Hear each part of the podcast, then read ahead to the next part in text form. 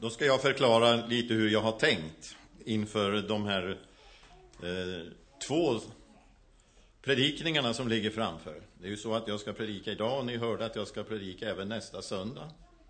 Och sen lär det bli något här nu mitt emellan på trettondagen också. Det blir ju rena mötesserien det här. Då har jag tänkt eftersom eh, trettondagen och just den här berättelsen om de vise männens vandring till Betlehem är huvudtexten. Tänkte jag känna på den lite idag och även sen kommande söndag. Så den får vara i centrum här under drygt en vecka. Det är konstigt att en del ska ha så lång väg. Det är ju nästan orättvist. Jag tänker inte på Maria och Josef. De hade väl en 12-15 mil när de skulle förflytta sig från Nasaret och ner till Betlehem. Och det är ju inte så långt i det perspektivet att eh, de vise männen skulle ta sig från Österns länder. Babylonien, det är varifrån man tror att de kommer. Eh, och så en del, de har så väldigt kort bit att gå för att upptäcka Jesusbarnet. Herdarna, de är ju på parkett redan när händelserna börjar. De behöver ju knappt röra sig. För de är där. De är de första som får höra änglasången. Och sen har andra en så oändligt lång vandring framför sig innan de upptäcker samma sak. Eh, Eh, och det är en metafor som man kan överföra på vårt livs inre vandring, en människas väg till tro. Jag har ju försökt under hela mitt liv att komma på hur det här egentligen går till och försökt att undervisa folk under ett otal predikningar och väckelsemöten om hur man kommer till tro. Men jag blir aldrig riktigt klok på det här. En del har så lång väg och andra är klara på ett ögonblick. Jag predikar för en äldre dam under just en hel möteserie och då handlade det om åtminstone fem kvällar i veckan i tre, fyra veckors tid. Och jag lärde känna en av mina mest trogna åhörare, hon satt alltid där. Någonstans mitt i det partiet närmast den gången i den kyrkan.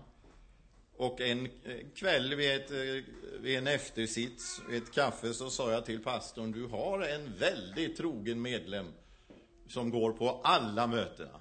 Jaha, sa han, vilken menar du då? Ja, jag menar hon och hon. Ja, men du, den, hon tillhör nog inte min kyrka, sa han. Jo, sa jag. Hon sitter, jag ska visa dig imorgon, sa Hon kommer att sitta på samma ställe. Det är en av dina mest trogna medlemmar. Ja, sa han, jag undrar. Men du vet, båda av oss skulle ha rätt. Så kvällen efter så, så eh, sa jag, nej, sa hon, det är han inte. Och jag tänkte, han har fel.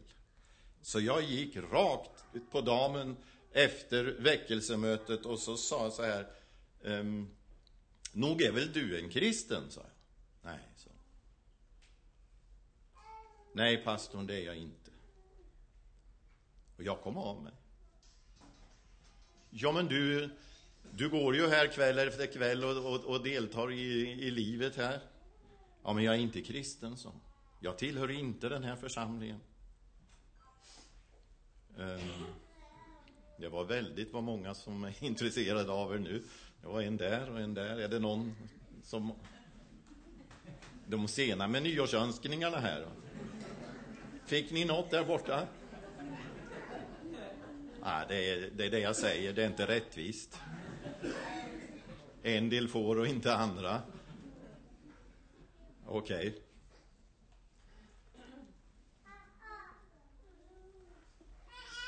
Jag, jag, jag skulle vilja, så i hela mitt liv.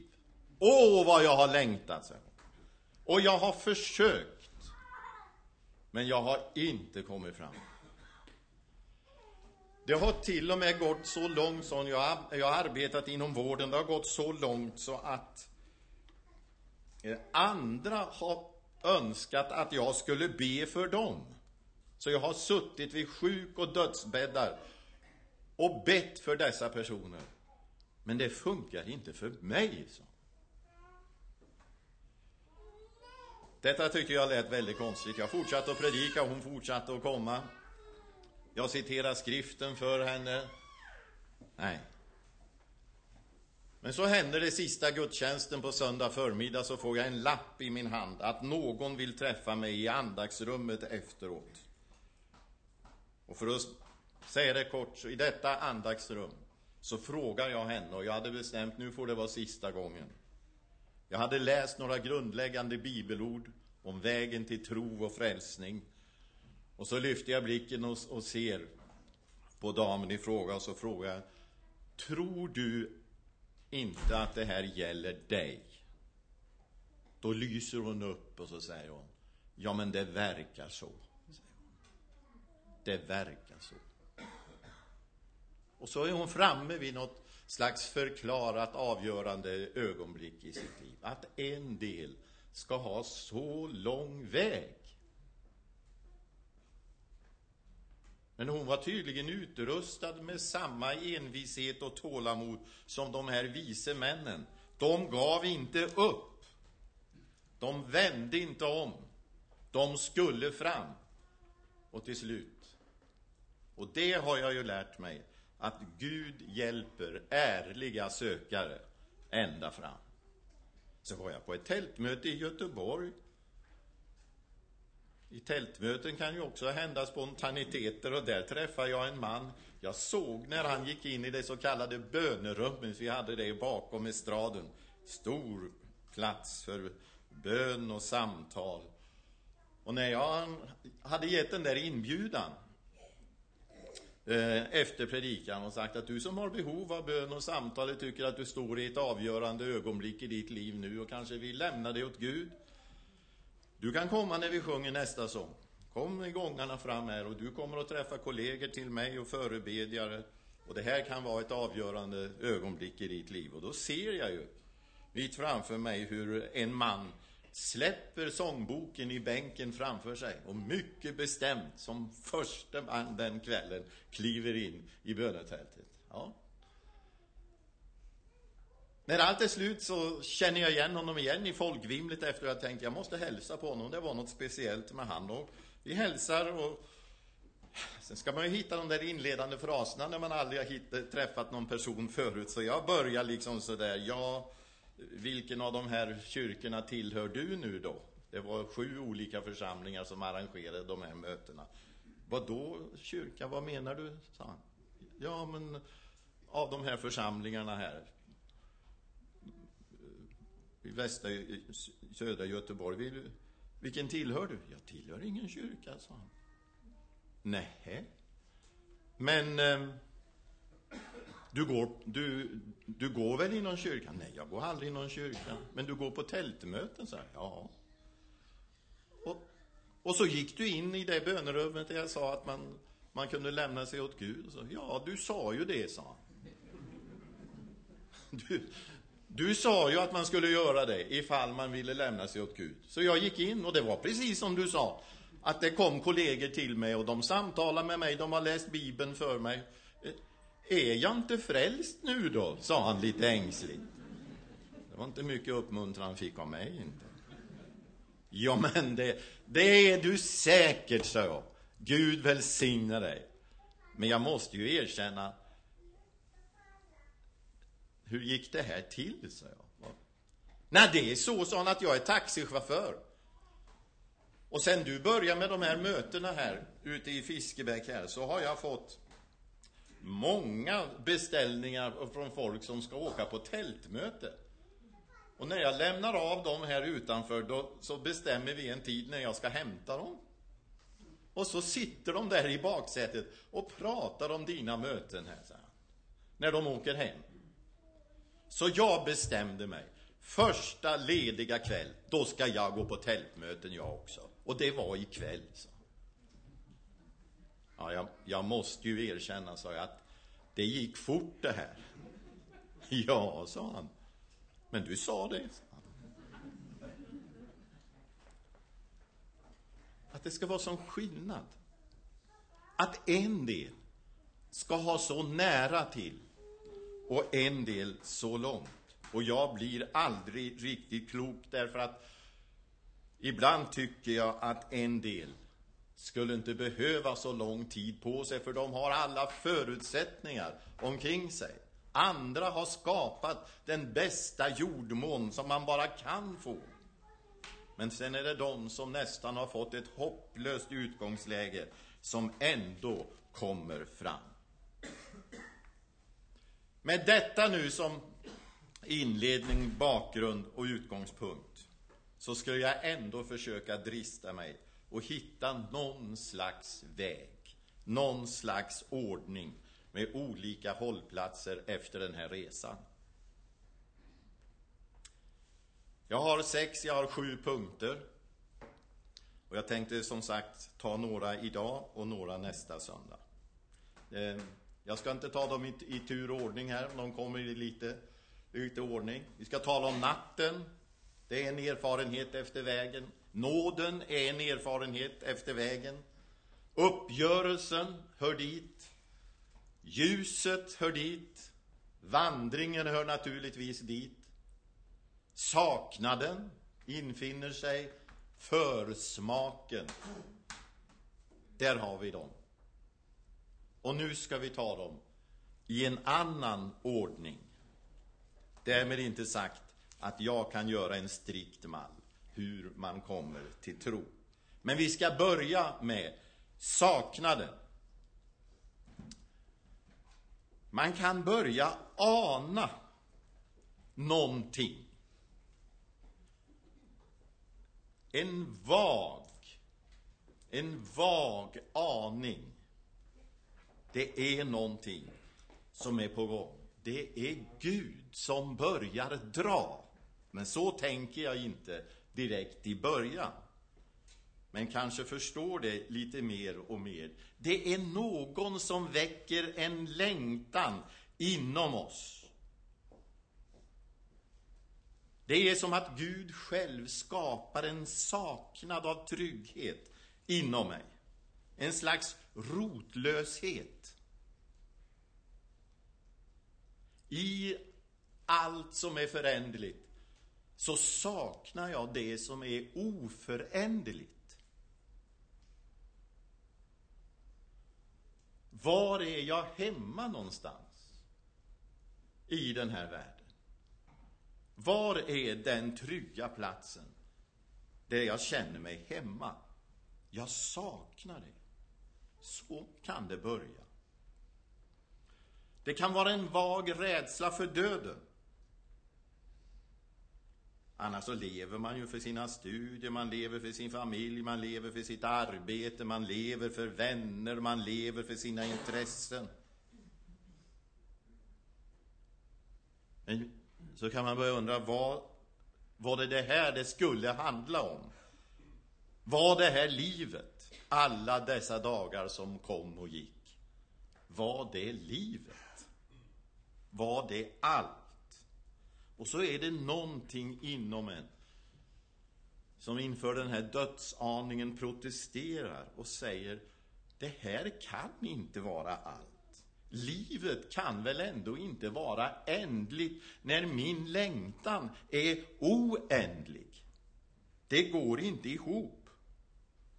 Livet kan inte bara vara ett meningslöst irrande mot den vissa döden. Och så här växer en aning om något annat fram inom oss. Ofta börjar det så här, tror jag.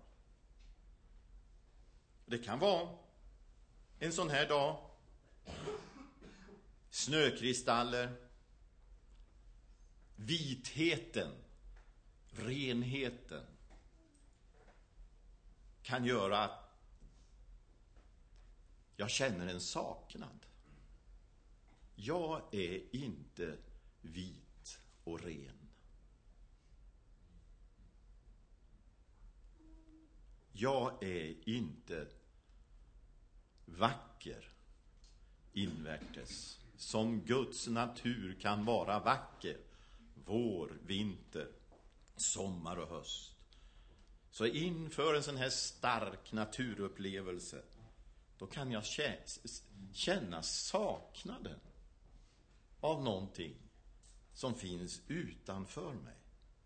Upplevelse av kultur, musik, konst kan infinna sig en, en smärta av vemod.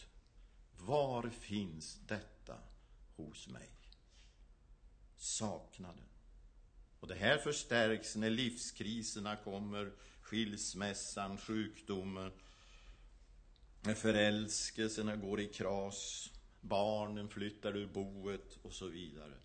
Då kan det här förstärkas. Men sen då? Var det här tillfälligheter, var det inbildningar eller var det här, den här aningen, var det bara en parentes? Och sen går livet vidare som om ingenting har hänt.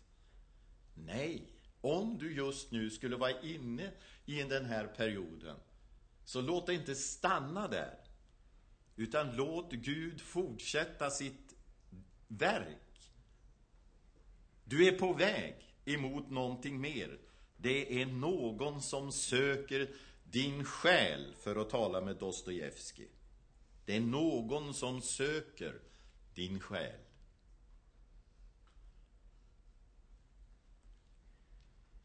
Låt honom få fortsätta och dra dig. Så kommer punkten nummer två.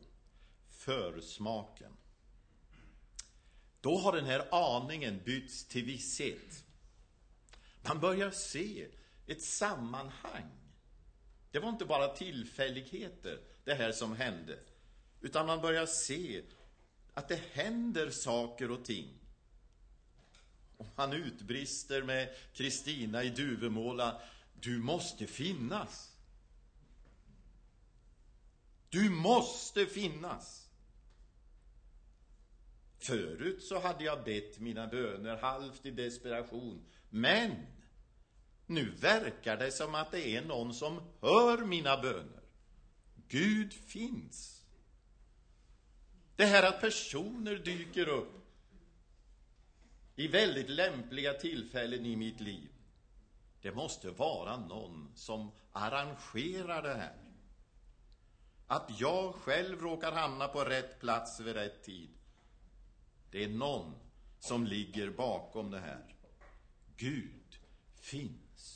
Man börjar smaka på det och det blir en fascinerande upplevelse. Då har man kommit ett stycke på väg så att man börjar kunna se igenom falsarierna och utanverken i det här med kyrka och kristen tro. Det finns liksom en kyrka innanför kyrkan. Det finns en kärna innanför skalet och tidigare hade jag mest, mer eller mindre kritiskt vara upptagen med utanverken.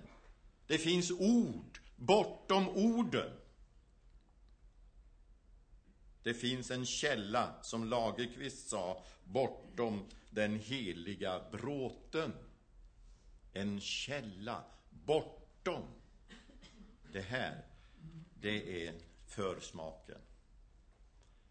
Det är en tid av, av hänförelse, och, som en nyförälskelse.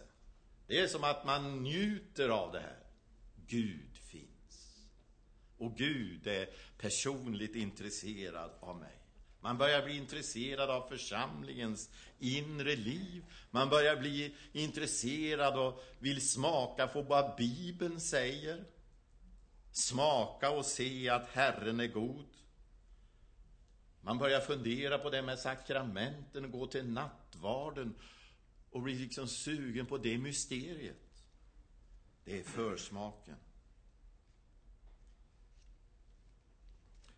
Det finns ju en risk att man bara vill ha mer och mer, att eh, man vill ha starkare och starkare upplevelser. Man sjunger själv starkare och starkare i salmerna och lovsångerna. Och, och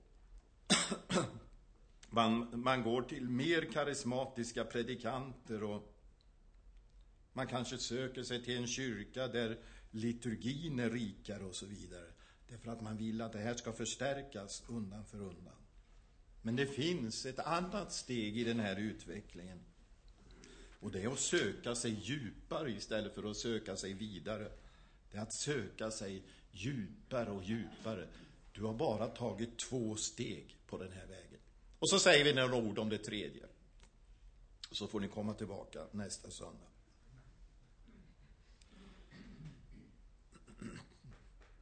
När man har varit i det här nästan lite euforiska ett tag. Du, eh, han fixar det. Han, han tänkte samma sak.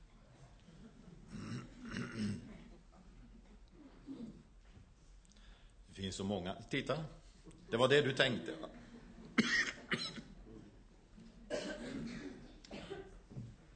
Hade ni inte velat höra mer, då hade ni struntat i det här nu. Då hade ni fått tyst på predikanten.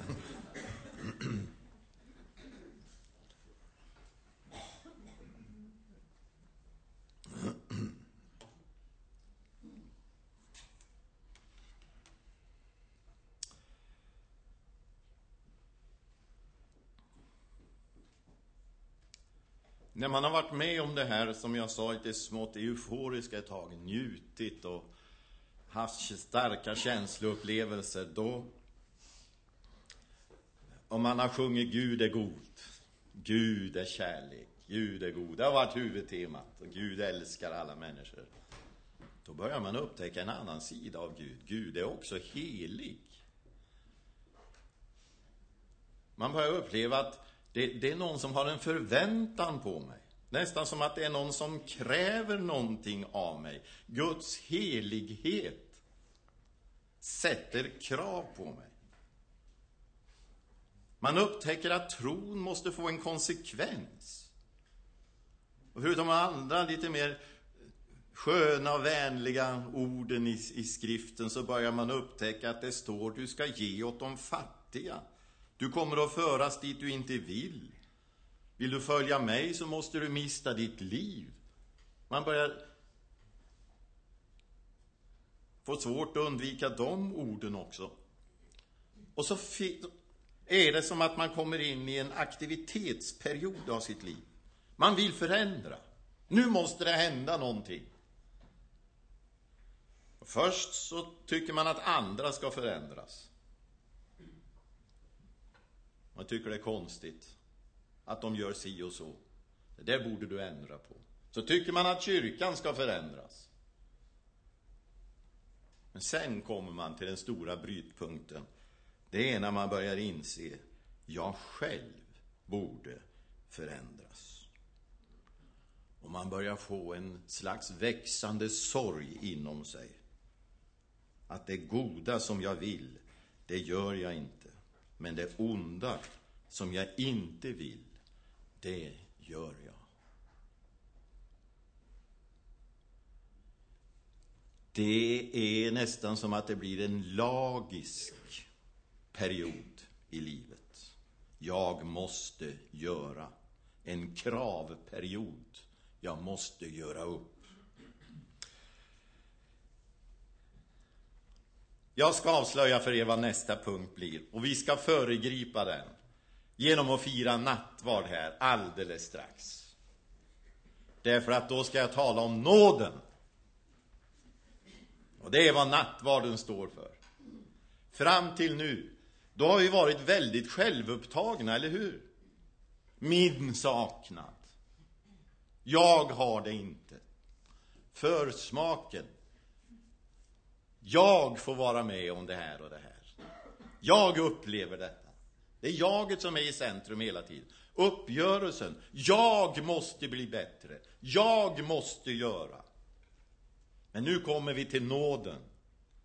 Där strålkastarljuset vrids från mitt eget jag och korset hamnar i centrum.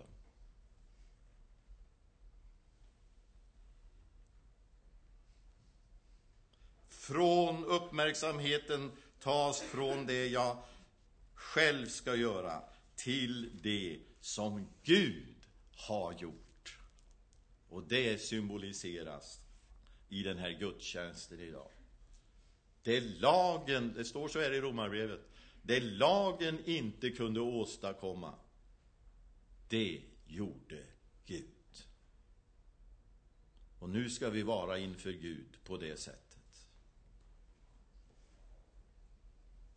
Det jag inte kunde åstadkomma, det gjorde